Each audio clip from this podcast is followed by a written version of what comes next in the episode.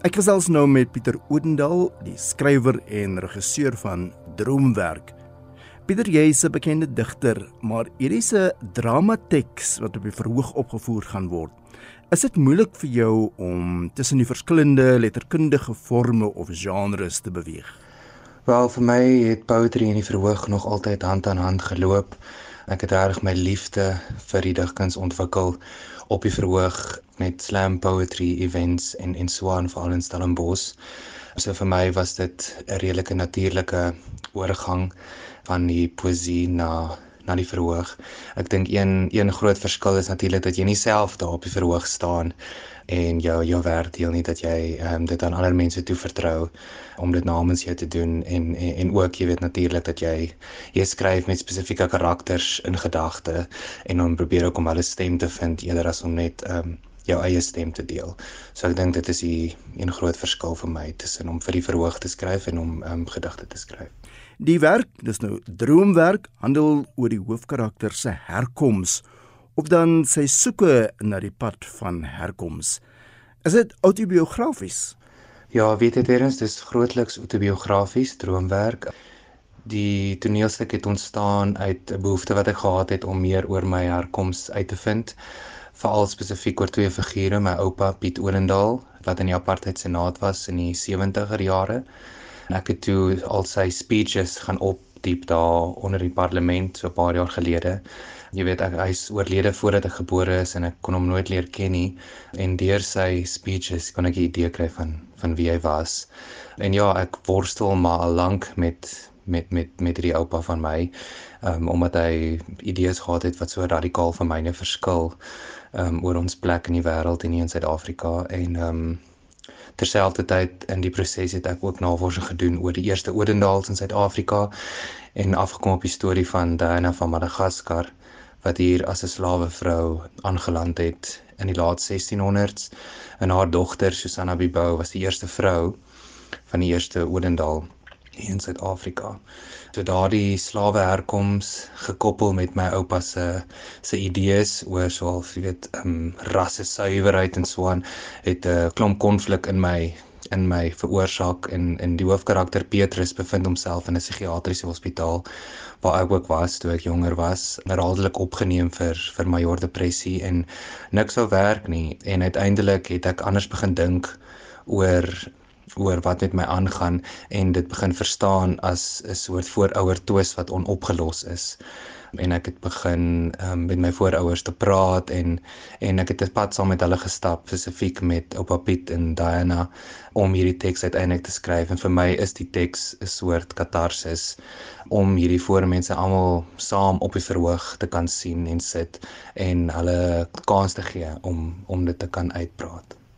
Die toneelstuk Droomwerk spog met 'n paar sterk hande agter die skerms soos die regisseur en begeleidende regisseur. Wie is hulle?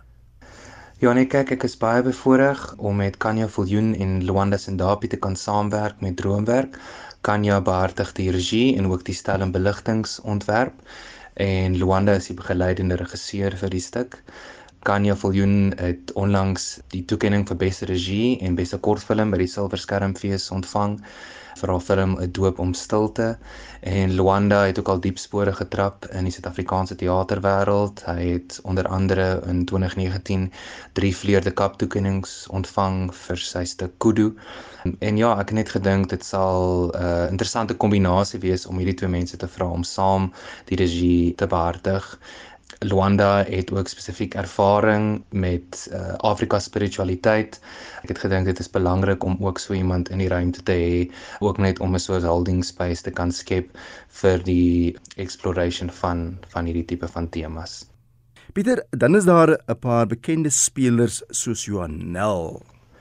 Ek is baie bevoorreg om met 'n uh, wonderlike span akteurs te kan saamwerk aan Droomwerk.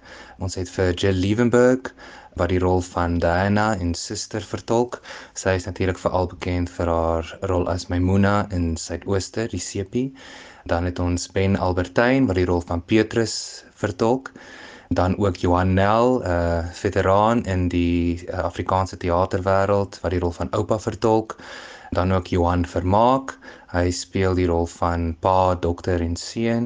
En dan laastens, uh, maar definitief nie die minste nie, Nolutando Tarish Mili wat die rol van Gogo en Nurse vertolk. Pieter, wanneer word Droomwerk nou opgevoer en waar tree julle op by die Aardklopfees? Ons tree by Aardklop Kunstefees op tussen die 3de en die 6de Oktober by Potch Girls High en daarna volg 'n speelvlak by Woordfees tussen 11 en 15 Oktober.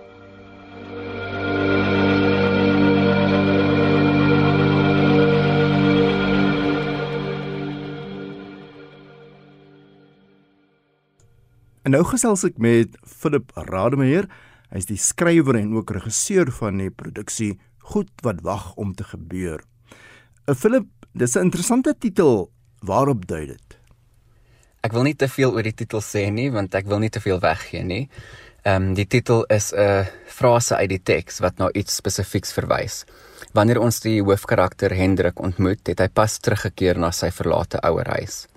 Hy begin sy gesin se verlede te ontgin en hy wag vir iemand om hom te vind of vir iets om te gebeur. So die titel verwys na die feit dat iets aan die kom is, dat sommige dinge onvermydelik is, maar dat die mens ook besluite kan en moet maak. Die werk kom baie ooreen met Ibsen se spooke of dan ghosts. Dis reg, die teks is 'n baie gestroopte herinterpretasie van Ibsen se spooke. Dis glad nie 'n verwerking nie, Ehm um, maar eerder 'n hedendaagse kyk na van die temas wat in die Ibsen teks voorkom. Veral die idees van oor erflikheid en die sondes van die verlede wat by 'n familie spook. Philip, uit die aard van die saak is dit 'n spel tussen realiteit en verlede. Hoe jy die twee wêrelde onderskei? Ja, een van die sleuteltemas is die idee dat die verlede terugkeer en die hede bepaal of beïnvloed. Dat mens die gebeure en sondes van die verlede nie net kan ignoreer nie. So ons ontmoet van die karakters in die hede en stadig aan word die gesin se verlede ook opgegrawe. Daar's monoloë, tonele en terugflitsse. Ehm um, so wanneer 'n toneel afspeel, word nie vir die gehoor uitgespel nie.